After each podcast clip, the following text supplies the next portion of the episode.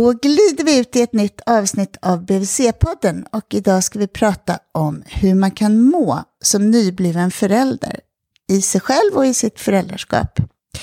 Eh, och jag heter Malin Bergström och är barnhälsovårdspsykolog och idag pratar jag med med eh, Helga Jonsson Wennerdal. Och Klara Selleroth. Hej och välkomna! Ni är psykologer båda två och ni har skrivit en bok. Ja, precis. Ja. Och vad, heter, eh. vad heter den? Berätta. Den heter Må bra som förälder, psykologernas strategier för småbarnsåren. Och ni är med oss på telefon idag skulle jag säga, ifall man råkar höra det. Mm. Hur kom det sig Helga och Klara att ni skrev den här boken? Eh, jo, men vi är ju också småbarnsföräldrar så att vi eh, lärde väl känna varandra när vi var föräldralediga samtidigt med våra respektive andra barn och eh, kände väl båda två att vi kunde mötas lite i det här att alltså herregud vad vi får använda vår, vår yrkeskompetens bara i att liksom ta hand om oss själva kan man säga. Mm. Um, och varför, behöv, varför behövdes det då? Det var väldigt överväldigande och jag tror att vi båda upplevde det både med att få första barnet men också att få andra barnet med de liksom nya krav som kom då. Eh, och vi kände att vi behövde liksom både förstå våra stressreaktioner, varför vi inte alltid kände oss eh, glada och på topp och, och verkligen och pratade ganska mycket också om det här, hur vi kände och mådde. Och kände också att det saknades lite litteratur.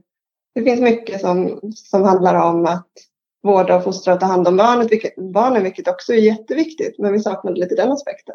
Men precis, och det här att det liksom inte, det är inte så att vi har haft, tror jag, liksom extra svårt eller alltså sådär, eller att det handlar om liksom egentligen saker som är problem, utan det är ju det här att, alltså föräldraskapet precis som det ska vara och som är liksom underbart och fantastiskt och man är så här hög på lycka vissa mm. stunder mm. och sen så är det också det här när man känner sig ja, men ensam eller jättestressad eh, eller orolig. Mm, och hur, dålig, ja, men, eller, inte en tillräckligt bra förälder. Exakt, och hur, eh, hur mycket det liksom påverkar det egna måendet. Mm. Om ni så att, tänker de här favoritstrategierna som ni pratade med varandra om när ni gick där med era såna här tvillingvagnar eller och ni kanske bara hade, ja men när ni gick där med era andra barn. Ja. Mm. Eh, alltså ganska mycket att eh, för mig var det väldigt mycket faktiskt strategier som man använder också i depressionsbehandling. Alltså kartlägga lite vad, vad gör jag, hur mår jag och hur ska jag planera mina dagar så att det blir så bra som möjligt. Det handlar om liksom mer struktur. Ah, eh, och sen så har vi pratat mycket om sömn och... Ja, men, ja. precis. Men bara också hur, hur, bara det här stora värdet av att vi hade varann på något sätt. Mm. Också att kunna, ja men bara få berätta att så här känner jag och eh, bara, jag är inte ensam mm. om det. Mm. Och sen så mycket också när det gäller bara det här, tänker jag, att sänka ambitionsnivån. Alltså mm. det känns ju också som genomgående. Alltså vi, hemma liksom i, i min familj. Att vi kan inte tänka att vi ska göra allting på Nej. samma sätt utan vi måste. Mm, vi måste fokusera på det som är viktigt här är och det är framför allt att ta hand om våra barn i ja. stund. Så både någon slags bekräftelse av att det här jag är med om nu, det är normalt och det är tillräckligt bra, ja. både för barn ja. och för, för mig själv på något sätt. Men sen låt, låter det också som någon sån här Alltså att hantera en föräldraledighet tycker jag både... Ja, jag menar, sen sover inte barn och man måste... Alltså det där påverkar en på en massa sätt, man är känslomässigt uppluckrad. Men det ni beskriver är också någonting så här rutiner när inte de sitter i en vardag som hjälper mm. oss att funka liksom. Mm. Ni nämnde stress, hur tänker ni att stress... Alltså varför uppkommer det och varför blir man stressad? När man är föräldraledig, när vi har den där unika möjligheten i Sverige? Mm. Mm. Jag, jag, tror att det handlar om att man har, eh, ja, men till, till viss del tror jag att det handlar om att man har en bild om hur det ska vara. Mm. Eh, eh, alltså det hade jag i alla fall innan, att jag såg framför mig hur jag skulle kunna ägna mig åt massa, ja men så här, ändå, träffa kompisar och ha något trädgårdsland. Jag vet inte allt vad jag tänkte innan. Mm. Eh, och sen så var det på något sätt bara ett, men särskilt de här första månaderna bara att så här, nej men jag, jag vet inte, vissa dagar kommer vi inte hemifrån. Um, och att bara landa i att det får vara så. Jag måste inte känna att jag också ska hinna massa andra saker. Eller mm. kunna göra massa andra saker. Jag tror att den, liksom, när det blir en diss, när man tänker att här, jag borde, det borde vara på ett annat sätt än det är. I det tror mm. jag, den första tiden, att det uppkommer en stress. Ja. Um, och där är det kanske lättare på vissa sätt idag att också det finns fler arenor för jämförelser. Att vi, vi tror oss, tycker vi ser att andra verkar klara av saker. Som, att man ska kunna räcka till på de här planen men det är inte möjligt. Och Nej, men det är så blir... olika också. Tänker mm. jag. För vissa, det funkar väl jättebra för vissa att gå på, på babysim och babyrytmik och fika på stan och mm. så här, komma ut och jogga med barnvagnen. så jag tror att det är väldigt olika men att man, kan man ha en öppenhet för att det kanske inte blir så. Mm. Och det är helt okej. Okay. Det är inte det som är liksom viktigast nu. Det viktigaste är att jag är med mitt barn. Och så, det är den... Ja. Mm. Det beror ju på både hur man är som förälder och på barnet och temperament och ja. omständigheter, hur mycket tillgång man har till avlastning och hjälp, ja. hur barnet sover på natten och så vidare. Så det är så mycket som som varierar där. Ja. Men när ni berättar det här, då tänker jag så att har vi gjort föräldraskapet, vår lyhördhet, följsamhet efter barnet, alltså alla tankar kring barnets trygga anknytning, har det blivit så himla ambitiöst att man inte hinner odla ett trädgårdsland? Jag satt och läste om Karin och Karl Larsson igår, som var en sån här bild verkligen från någon idyll för ja. över hundra år sedan i Dalarna. Och hur Karin födde sju barn och hade de här fantastiska odlingarna. Och mm. så jag, bara, jag bara tänker, undrar om, om vi ser på föräldraskap på ett sätt som gör att det blir så pass stort och, och tungt. Ja, absolut. Men jag tänker jag också. Ja. Och prestation på ja. något sätt. Man ska prestera även där. Verkligen. Och den här informationen som finns om varje liten grej. Liksom. Mm. Vilken, ja, det känns som att det är så mycket särskilt där. Ja, men kanske den här första tiden om man är hemma och man eh, det, ja, men det upplevde jag, att alla små beslut blev så stora. Vilken, mm. ja, men så här, vilken, vilken nappflaska. Ja. Jag vet inte hur, hur många timmar jag har legat på, eller lagt på surfa runt på forum mm. och läsa om det. Liksom. Alltså det, ja. ja. Eh, och som, som också det liksom beskrivs i ganska ofta, tycker jag, hårda ordalag. Mm. I, i, om man tänker forum på internet framför allt. Att, ja, folk tycker mycket och är inte kanske så ödmjuka inför att ja, men de flesta gör nog sitt bästa. Och och tillräckligt bra. Ja. Att, det, att vi, de flesta är tillräckligt bra föräldrar för det mesta. Och ja, fokusera på det viktigaste. Men det är lätt om man börjar tänka kring det och värdera och jämföra sig själv. Och då blir det ju en stress som blir lite mer sekundär. Liksom sekundära känslor som kommer sen. Va, hur tänker du då? Att, att först kanske det är en stress som är naturlig till viss del. Att ja, men, eh, jag hamnar i situationer med mitt barn där jag inte kan möta alla behov samtidigt. Till exempel så var det för mig väldigt mycket att få ett andra barn. Att det går inte att räcka till på samma sätt för båda barnen när jag är själv med dem.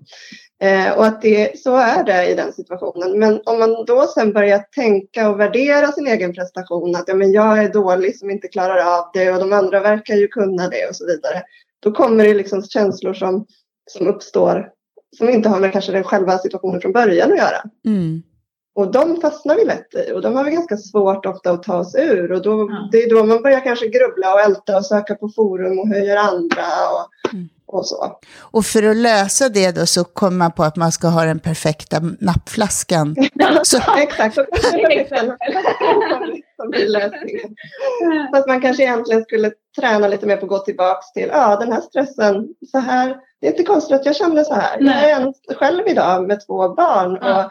De bara skriker och jag är trött och har inte sovit. Ja. Mm. Och, och, kan man göra det? Kan mm. man liksom släppa det där andra på något sätt bara försöka vara ja, men som närvarande i stunden. Mm. Då, då blir det också lättare på något sätt att fokusera på vad är faktiskt viktigt att göra nu så att mm. den här dagen ändå blir så, mm, så okej okay kanske det inte är att söka efter nappflask. Nej, verkligen. Utan att äh, sova tillsammans med barnet när det sover middag en ja, stund. Eller vad. Inte gå och älta över hur dålig man är mm. i alla fall. Jag, jag, jag tänker när ni pratar nu så tänker jag på att när man är hemma med ett litet barn eh, så är det ju ganska lite strategi, ganska lite en tänkande hjärna som råder.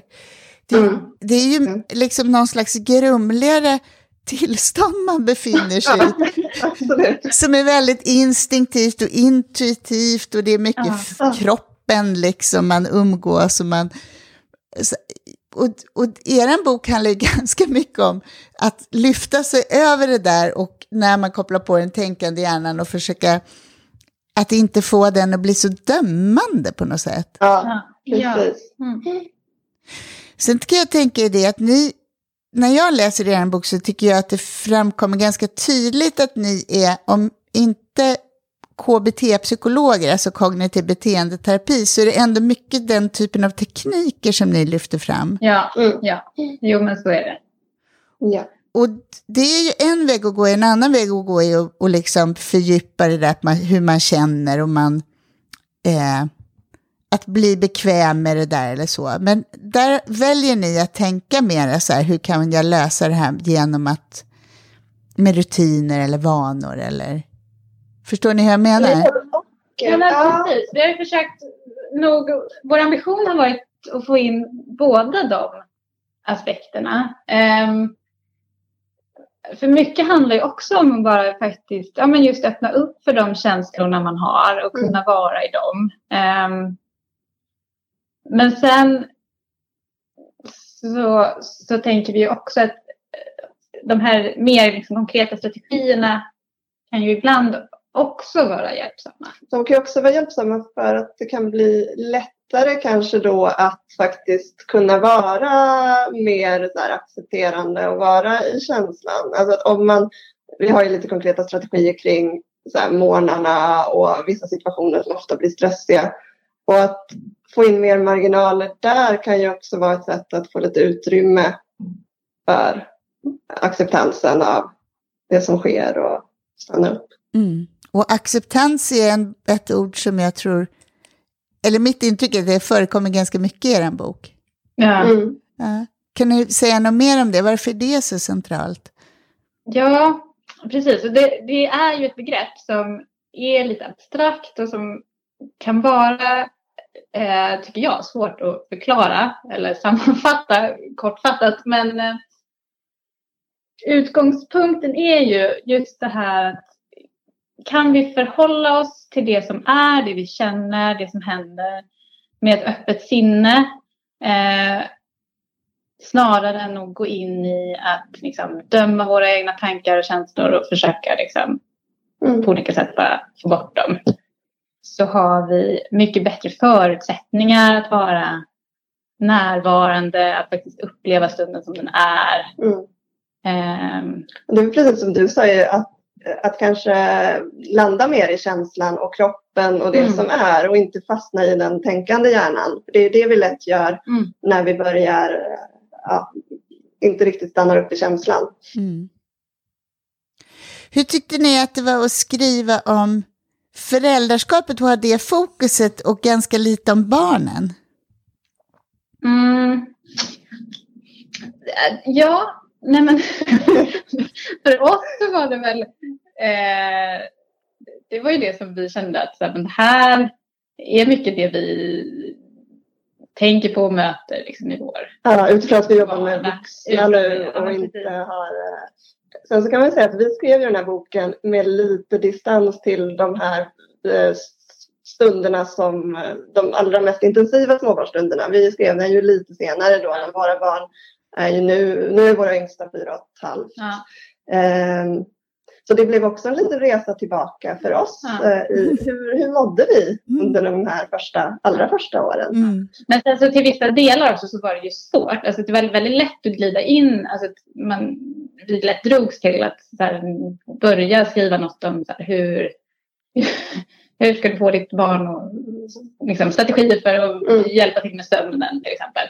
Och sen att vi fick lite grann så här, stoppa oss själva. Så, nej, men vänta nu. Det här, mm. var ju, det här Nej, finns det andra på andra ställen. Vi ska hålla fokus här. Jag skulle vilja säga att ett undantag är kanske kapitlet om ilska i föräldrarollen. Där mm. jag faktiskt kände att ja, men här behöver vi verkligen skriva en del också. Om i alla fall hänvisa till den litteratur vi har läst och ja. kring att möta barnet. Ja. Så där är väl det lite mer att vi faktiskt också har haft lite fokus på ja, barn, hantera barnets ilska. Mm. För att det påverkar så mycket ens så, egen... Precis, det är så mycket en växelverkan på något sätt. Ja. Där blev det jättesvårt att skilja ut helt. Mm. Och också därför att det är så svårt, tänker jag, att vara tydlig med att, att det, det bästa sättet att hantera barns ilska är att reglera sin egen. Det är ganska hårt budskap att ge ja, om man inte har grundförståelsen liksom för det. Ja, det hänger ihop så mycket. Så ja. det, där måste man ha med det. Varför tror ni att vi upplever det som så pass jobbigt och krävande och som en sån gigantisk omställning att bli förälder? Eh, alltså dels tror jag ju att det verkligen är både och. För det är ju också en, den omställningen är ju såklart också så fantastisk och underbar. Men det är ju en stor omställning rent. Eh, och vi, vi vet ju också att stora omställningar påverkar vårt mående. Även när det är omställningar som vi vill och har sett fram emot. Och... Mm. Precis, och sen är väl en del i det, kanske i synnerhet som vi lever idag, vi är så, ja, så självständiga och så vana vid tror jag, att ha kontroll över allting. Mm. Och att verkligen så här, eh, det är inte det att vi inte är vana vid att eh, på något sätt pusha oss själva eller men, så här, men just det här att vara så utelämnad och fokuserad på en annan mm. människas behov. Ja, jag tror att så här, just att vi är så tror jag, fokuserade på oss själva mm. och våra egna behov och sen så, så kommer den här omställningen att det ja, kan bli en utmaning. Det kan vara en utmaning. För den omställningen, för de allra flesta så är ju den väldigt självklar i att så snart man blir förälder så är det barnets behov ja, som är i fokus. Och det kommer ju ändå så här, rätt så automatiskt. Ja, ja. Men eh, också den här, det vi pratade om i början, med den förväntan att man kanske samtidigt ska kunna då räcka ja. till på andra plan och ha kvar lite jobb och göra lite renoveringsprojekt och så vidare. Ja. Det kommer in där också. Så det blir mycket jämförelser och mycket, ja men man har en bild av där, hur det borde vara. Mm. Så det är både någonting som kanske är en större omställning i våra liv som ni beskriver som självständiga, det är, man jobbar båda två och man mm. liksom i en relation ja. och, och eh, jämfört med hur det såg ut för hundra år sedan. När man mm. levde på ett sätt där man var närmare andra. Ja, men verkligen. Jag tror att här, vi är mer ensamma mm. i våra små enheter. Mm. Om man nu är två föräldrar eller ensam. Mm. Men, men, ja. men sen också hela den här sociala mediegrejen eller jämförelsegrejen. Ja, ja. ja, där det blir så lätt att se och jämföra. Och alla den fasaden som man, man lägger ihop det man ser där också och tänker att det är möjligt. Vad, vad, för, det är ändå så att det här har liksom förändrats, att det är olika perioder som är utmanande på olika sätt i början med barnet. Mm. Mm. Vill ni, kan ni inte beskriva lite där vad det är för typer av, av besvär eller vad vi ska kalla det som, som uppkommer beroende på hur gammalt barnet är eller vad man själv befinner sig. Ja. Men, men utifrån, vi tänker väl att det här, om man tänker första tiden, första året kanske, så är det ju mycket, ja men dels det här att, att eh, ja, bara ta hand om det här, det här lilla barnet och att det kan vara, ja men just med sömn, med matning, alla bitarna.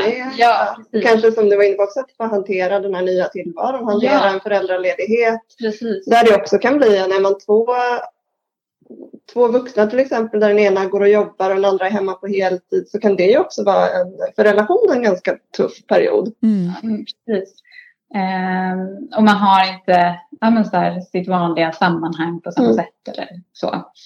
Uh, så där är det kanske mer av ja, men just nedstämdhet. Mm. Och inte då att man kanske är deprimerad, men att man i, i stunder känner sig lite låg. Mm. Och att det var inte det man trodde innan. Mm. Ensamhet beskriver ja. man också. Lite sådär att man, man kanske inte har, har man ingen i riktigt samma situation så kan man lätt bli ensam under mm. den här tiden. Och också med oro, att man är, ja, så här, allt är nytt och det är så skört och så mycket olika information från olika håll. Mm. Um, för sen efter, efter där så de flesta landar väl mer in i föräldrarollen också och hittar någon sorts trygghet och man mm. hinner kanske inte heller kolla upp allting. Var noga med nappflaskorna. Ja, men Nej, det är stor skillnad. Den kan första och andra barnet ja, också, hur mycket man släpper andra ja. gånger. Men sen när både, kanske man är två föräldrar som går tillbaka till, till arbete så är det ju mycket av den här kanske stressen att få, både, få ihop, få ihop livet. livet och tiden räcka till och hinna ses och se varandra. Och, ja. och där också ju i när barnet blir lite äldre och börjar uttrycka sin egen vilja. Att det blir ofta ju mer av konflikter mm. och i synnerhet mm. då om man har ett väldigt pressat vardagsliv mm. där det inte finns utrymme. Mm. Blir det konflikter med barnet blir lättare ilska, kanske också väldigt mycket skuld och över om man blir arg som förälder. Um, så det kommer ju kanske som ett tema lite. Ja. För där i början, alltså jag var så här, men jag kommer ju aldrig kunna Nej, arg. jag var aldrig arg. Jag skulle nog aldrig kunna vara det heller. Vad har ni blivit det på era barn?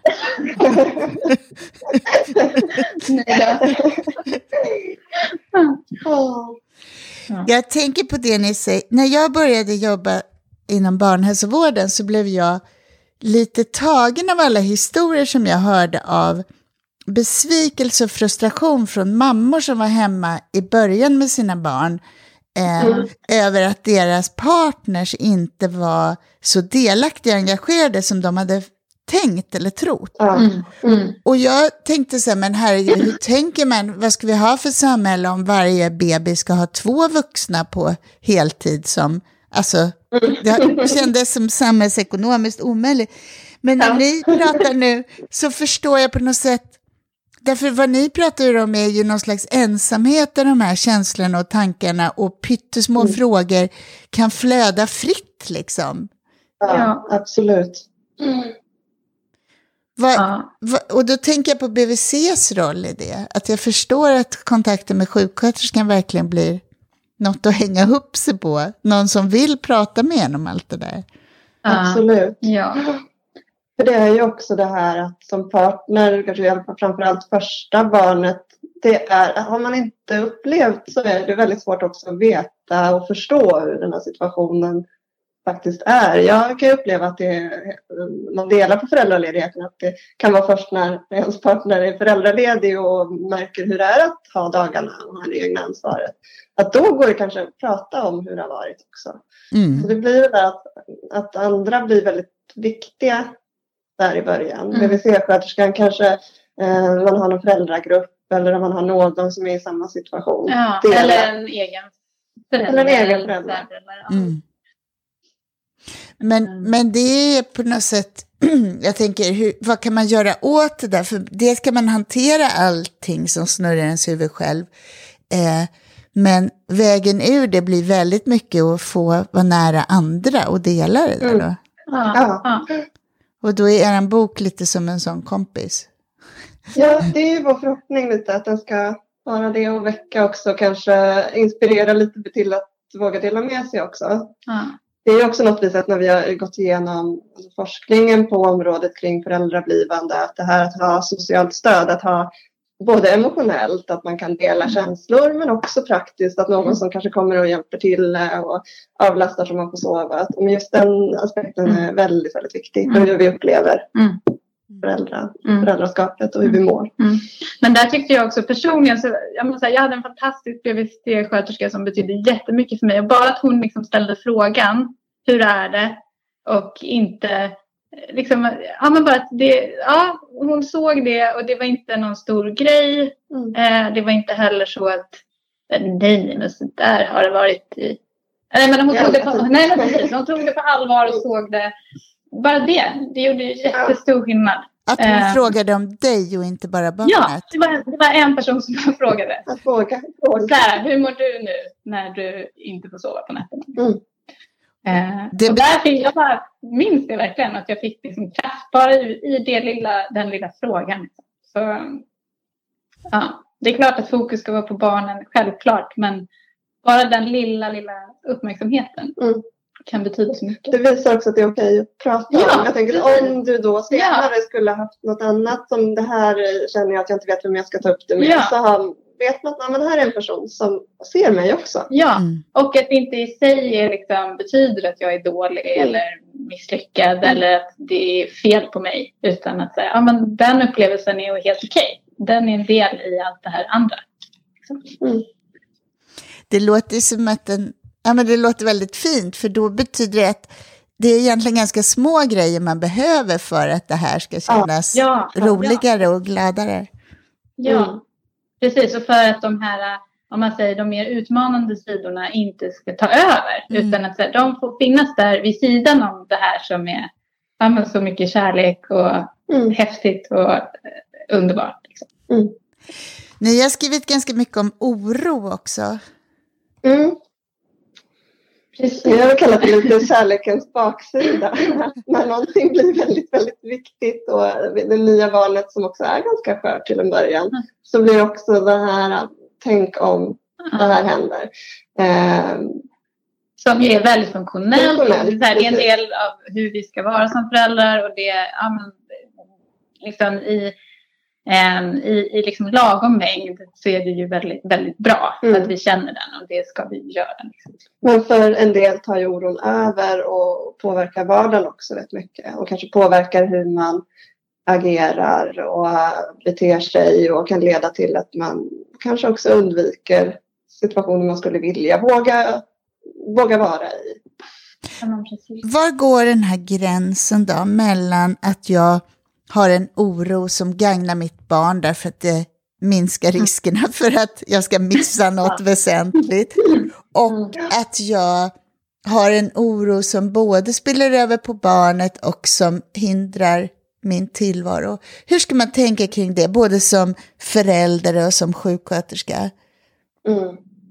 Precis, vad är en rimlig oro? Mm. Um, jag tänker att man kan ju se lite på vad om man går tillbaka till vad är det den här personen vill göra? Vad hindrar oron liksom, något viktigt i livet? Om det är så att eh, men jag vågar inte ha barnvakt för att tänk om eh, temperaturen på vällingen blir fel och eh, vågar inte liksom låta andra kanske komma in och ta över mer av eh, ja, när, att det mer är oron som hindrar fast att man egentligen skulle vilja och kanske också behöva. Eh, det kan väl vara ett exempel på ja. när, oron, när det blir hindrande. Det är jättesvårt att avgöra direkt ja. tycker jag också när ja. man hör. Man behöver ju mer information. Nej. Kanske som till exempel BVC-sköterska. Mm. Men det är väl att lyssna lite efter de signalerna. Eh. Ja men precis. Och att, och att just kanske fråga mer om vilka beteenden mm. leder det här till. Betyder det att, att så här, ja, men jag sover inte på nätterna för jag måste gå upp och höra mm. mitt barn andas var tionde minut. Mm. Eller att eh, eh, ja, men just det här att jag, jag vågar inte gå hemifrån min, jag vågar inte lämna min sex månaders mm. alltså det, Och det är jättesvårt, det beror ju på omständigheter såklart. Det går ja. inte att säga något som gäller för alla. Men, men just, ja. Man tittar lite på vad det leder till och vad, får det för vad det får för konsekvenser. Mm. Och sen är väl att vi är olika där också. För en del är det, ja, det kan vara väldigt så här, sunt att begränsa första tiden, inte åka in till stan och ja. så vidare. Så man får ju titta på vad är, vad är rimligt. Utifrån, Utifrån var barnet är ja. i sin utveckling. Ja. Men ändå, men ändå något att vara vaksam på, tänker jag. Att om jag är van att oroa mig lite extra mm. så kanske det här kan blomma ut utan ja, att jag ens ja tänker att det skulle kunna vara på något annat sätt. Liksom. Ja. Och det kan ju vara lätt när man har den tiden man har eh, själv kanske med egna tankar. Att det kan vara väldigt lätt att mm. oron just får, att det får ta som ja. du beskrev med nappflaskan. Att ja. blir man orolig över någonting. Det kan vara liksom någonting som man tidigare kanske skulle inte ha hunnit fokusera på. Men att det är lätt att fastna i det när man är ensam kanske själv med sitt barn. Ja. Och då tar ju oron också fokus från att vara med barnet. Så då är man inte heller närvarande kanske i föräldraskapet. Mm. Um, så det är väl någonting också ja, att fråga om. Ja. Hur påverkar det ja. tiden med barn? Är det några andra sådana där tillstånd som ni tycker är, har varit speciellt viktiga eller spännande att skriva om? Eh, parrelationen tycker vi tycker ja. har varit rolig att skriva om utifrån att vi båda också jobbar med, med par, alltså parterapeuter. Eh, för där är det ju liksom mycket också stora så förändringar, relationer förändras när man mm. blir föräldrar ihop. Och det är ju en aspekt som jag kan tycka att vi faktiskt ständigt undervärderar när det gäller, vi pratar ju så mycket om vad gynnar barns hälsa, vad främjar barns mm. välbefinnande. Ja. Och hur man har det tillsammans med sin medförälder, det har ju en otroligt stor betydelse för barnet eftersom vi är deras psykologiska miljö. Liksom. Ja, verkligen. Men vad är det ni tänker händer då när vi blir föräldrar tillsammans? Eh, nej men det är ju olika saker. Dels så är det ju bara så plötsligt att, eh, ja, men att vi har ett gemensamt ansvar för det här lilla. Barnet. Mm. Och att det gör ju på något sätt att vår, här, våra resurser, både tidsmässigt och energimässigt, inte längre bara är våra egna. För oss själva. För, oss själva. Mm. för att det jag gör kommer ju få en, liksom, betyda, få en konsekvens för min partner. Mm. Mm. Och där tänker jag också att det kan vara svårare om man är den som inte är hemma ibland och förstå att om jag åker efter jobbet och går på AV och sen tränar så, så får det, får det jättestora konsekvenser för partnern som kanske redan varit hemma hela dagen, är ganska trött, inte sovit på natten. Ah. Men att här, det är viktigt att tänka att det beroende, på det sättet blir vi ofta mycket mer beroende av varandra, alltså på gott och ont. Ah. Mm. Men för en del par kanske man har varit väldigt självständiga eh, tidigare. Man kanske har haft både så här intressen som man har ägnat sig åt på egen hand och så kanske man också har gjort, haft intressen som man gjort tillsammans men som kanske inte är möjliga heller att ägna sig åt Nej. när man får barn Nej. på samma sätt. Och sen så är det ju det här också att vi, så att det är ju så att vi fastnar, eller vi hamnar ju under den första tiden i olika roller. Och det, det går ju i princip inte att komma ifrån, skulle jag säga. Alltså biologiskt alltså, det kommer vara en som har fött barnet mm. och om man ammar så är det en som gör det. Mm. Um, och där så kan ju också så här, i det så, så formas ju ett mönster där det är en som är närmare barnet mm. från början. Eh, och där den andra kanske, jag skulle säga inte sällan, kanske upplever sig lite utanför. Och blir besviken. Att men jag kan inte trösta lika på samma sätt. Jag, eller får inte möjligheten liksom, mm. att vara nära i samma utsträckning. Eh, och i synnerhet sen om, om liksom, eh, det är en person som är hemma. Som är med barnet den största delen av tiden. Mm. Så, så kommer det ju vara den personen såklart som det går så här, men kan söva barnet. Mm. Lugna, trösta. Ja.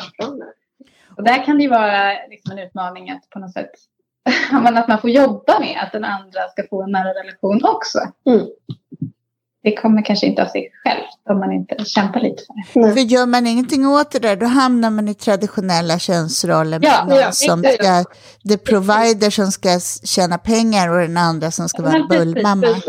Ja, och då blir det också jättetufft när sen båda kanske ska arbeta och man är fast i de rollerna och ja. mönstren. För där är det lätt att hamna i den dubbelarbetesfällan. Ja. ja, och det vet vi. Det vet vi redan. Så, så är det. Ja. Hur tänker du att man ska, hamna, att man ska få, få till det där då? Jag var på någonting igår eftermiddag när vi pratade om de här frågorna och då var det någon som sa att jo men det är en sak att pappor eh, glider iväg från barnet liksom, men det är också mycket mammornas roll där som som inte släpper in. Och jag tänker, ja. det, det finns någon slags uppfattning om att det där är allas vårt ansvar att få till det där. Mm. Mm. Ja, men till viss del skulle jag säga. Mm. Att det, det handlar ju, det är klart att man som mamma då absolut har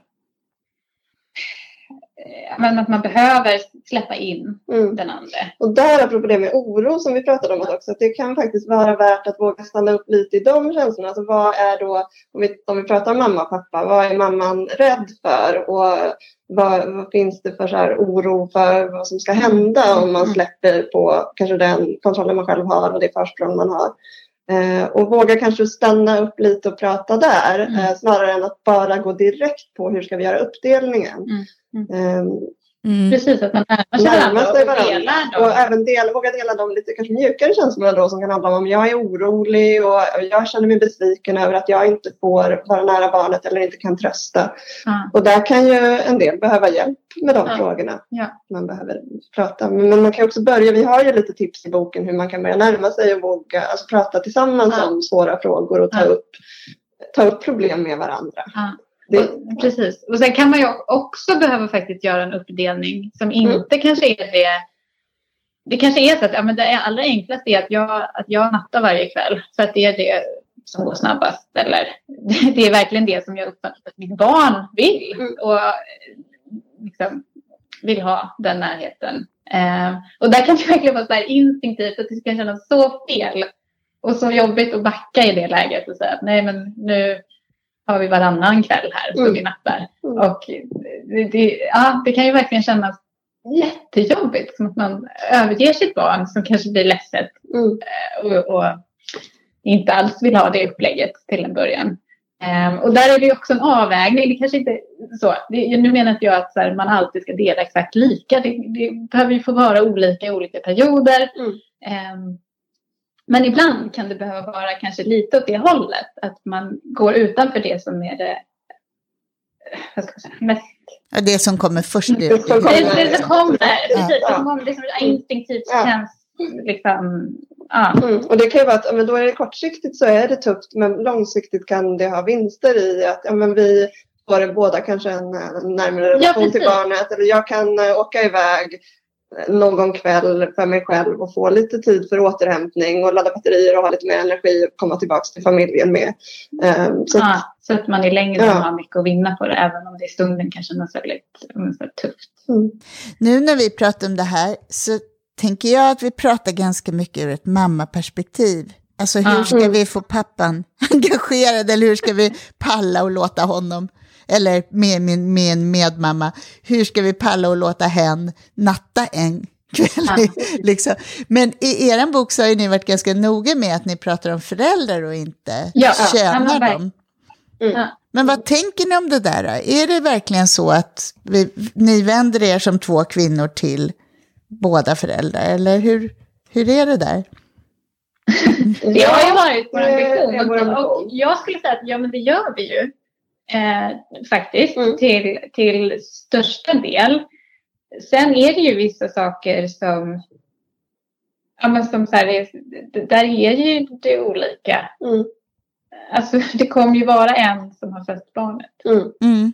Så, liksom, och det, det kan vi inte, det måste vi bara se för tänker jag. Så här, ja, och där har vi också delat upp det lite i just, uh, I just det, det kapitlet. kapitlet. Så har vi ju mer riktat ja. till den som föder och till den som står bredvid. Mm. Och men i övrigt så, så försöker vi också ta det här att se lite utifrån perspektivet. Jag kan ta båda sidor. Kanske framförallt då i kapitlet om relationen ah. så jobbar vi utifrån hur, hur vi jobbar i parterapi med att att försöka förstå att det handlar mycket om en acceptans och förståelse för den andras känslor och situation också. Att man behöver börja där. Mm. Eh, så där är det ju, om vi tänker det här med, med, med strategier versus eh, på något sätt någon acceptansfokus, så behöver man börja i att att acceptera och förstå varandra för att också kunna eventuellt göra de förändringarna. Men är det så att det finns en strävan hos kvinnor att involvera män i ett samtal som män inte är så snara på att haka på? Jag vet det inte. Tror jag, det tror jag är svårt att svara. Jag tror, det är väldigt olika. jag tror egentligen att många, jag, jag tror att män mm. är intresserade men jag tror också att män kan ha lite svårare att nå in på de arenorna. Ja. Jag bara tänker i, ja, men, som, som det var när jag var föräldraledig och när jag och min man byttes av eh, så var det väldigt kvinnodominerat i föräldragrupperna. Eh, jag tror att det kan vara svårare då som man att kanske komma in och våga prata om det här i ett sammanhang där där det framförallt är mm. kvinnor som tar plats. Och det här är ett område som är, där, där det snarare är så att kvinnans perspektiv, vilket det ska vara utifrån att det, det är också som vi säger att det är olika. Det är ofta den som har fött barnet och den som är hemma första tiden som får den informationen. Ja. Men att det kan vara, inte finnas, vara svårare, svårare att komma in som man kanske på de arenorna. Mm. Vilket också kan vara i arbetslivet, att på vissa arbetsplatser är det liksom inte förväntat att man som man ska ta ut föräldraledigheten idag. Eller babba. Eller babba. Och sen så, jag menar, det är klart att man så här, det man säger är att det, det är samma. Mm. Men, men i praktiken så i alla fall. Mm, det ja. finns normer och det blir kanske ett svårare, ett större hinder på något sätt att gå emot. Ja. Men jag tyckte ni sa att det är viktigt när man tänker kring det där att jag menar mycket av de här tillstånden och känslorna som ni beskriver i början av föräldraledighet och så, att det den här ensamheten som ni satte fingret på, mm. om den är en stor bov i dramat, då finns det ju ännu, då är det ännu viktigare att, att föräldrarna, att vi inte glider ifrån varandra det där, utan ja, att ja, vi verkligen kan eh, finnas för varandra. För det är ju ganska små grejer, det handlar ju bara om att man känner att vi, vi är nära liksom mentalt. Ja, verkligen. verkligen bara känna att den andra är intresserad mm. av att förstå hur det är för mm. mig. Alltså det betyder. Ja, och där tänker jag, det är också en sån sak på BVC som eh, en viktig roll. Det här att vända sig också till pappan, att, uh, att bjuda in, uh, vilket det görs väldigt mycket mm. nu. Att man så här inte förutsätter att det, att det bara är liksom kvinnan man pratar till. Utan, mm. Och alla mår ju bra av att vara behövda, så jag tänker att det där är mm. ganska fint budskap. ja. Är det någonting som vi inte har pratat om som, jag, som vi borde ha sagt, som ni vill berätta om boken?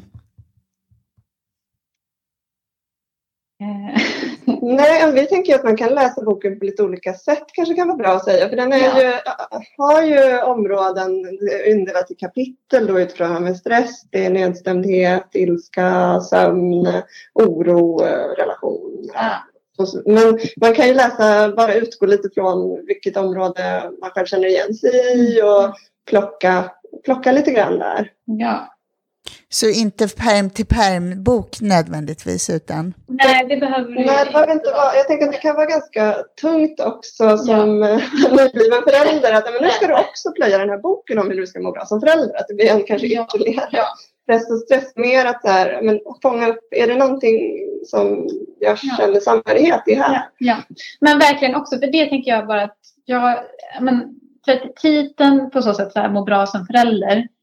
Eh, Alltså det är klart att det är det som vi vill hjälpa till med. Mm. Men utgångspunkten är ju att här, i sig så är föräldraskapet fantastiskt mm. eh, och jättehäftigt. Eh, och sen just det här sen finns det de här utmaningarna i det också. Och kan de få finnas liksom, sida vid mm. sida så har vi så mycket bättre förutsättningar på något sätt att kunna vara i det här händer. Mm, vara närvarande Bara... i föräldraskapet, åka med lite på resan. Ja, kanske. precis. Um, så det är inte det att vi tänker att det är möjligt att hela tiden gå runt och bara vara på topp. Nej, eller att det är liksom en quick att följer du våra strategier och råd då kommer du må, må bra, bra. hela tiden. Utan uh, det är mer att ja, men man mår både och. Mm. och så måste det vara. det får vara både och. Det är både underbart och svårt. Och, och med det här samhörighets... Eh, en kompis att hålla i handen. Ja, precis. Det tycker jag låter som fina slutord. Då tackar jag för att ni var med i podden idag. Tack så jättemycket. Tack så mycket. Så glider vi ut från det här avsnittet. Tack.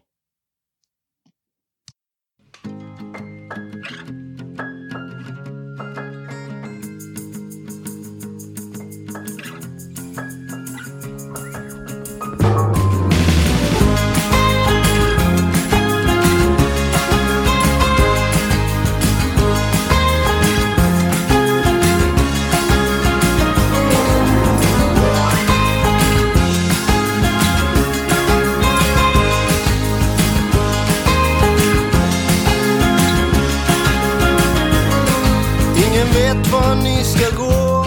Huvudet wobblar som ett drag, men aldrig över ytan så. Ett på djupet neverending slag när era radiostyrda röster ömsint kittlar min fantasi. Flipper spelar sönder impulserna för mitt självbedrägeri. När ni skjuter ut i natten finns det inget av mig kvar. Alla döda ögonskratten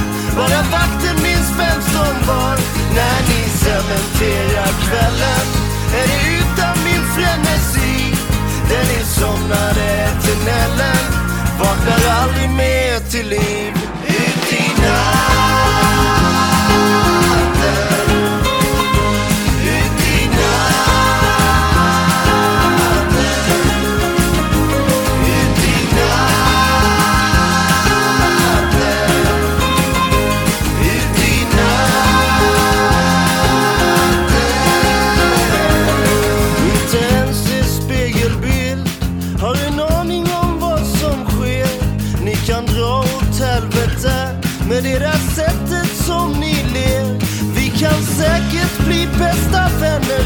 Eternal sunshine of the spotless mind. Men inte riktigt när du bara älskar mig. Genom rök och vodka lime. När ni skjuter ute i natten Finns det inget av mig kvar. Alla döda ögonskratten Bara vakten minns vem som var. När ni cementerar kvällen Är det utan min frenesi. Den är somnade eternellen. Vandrar aldrig mer till liv ut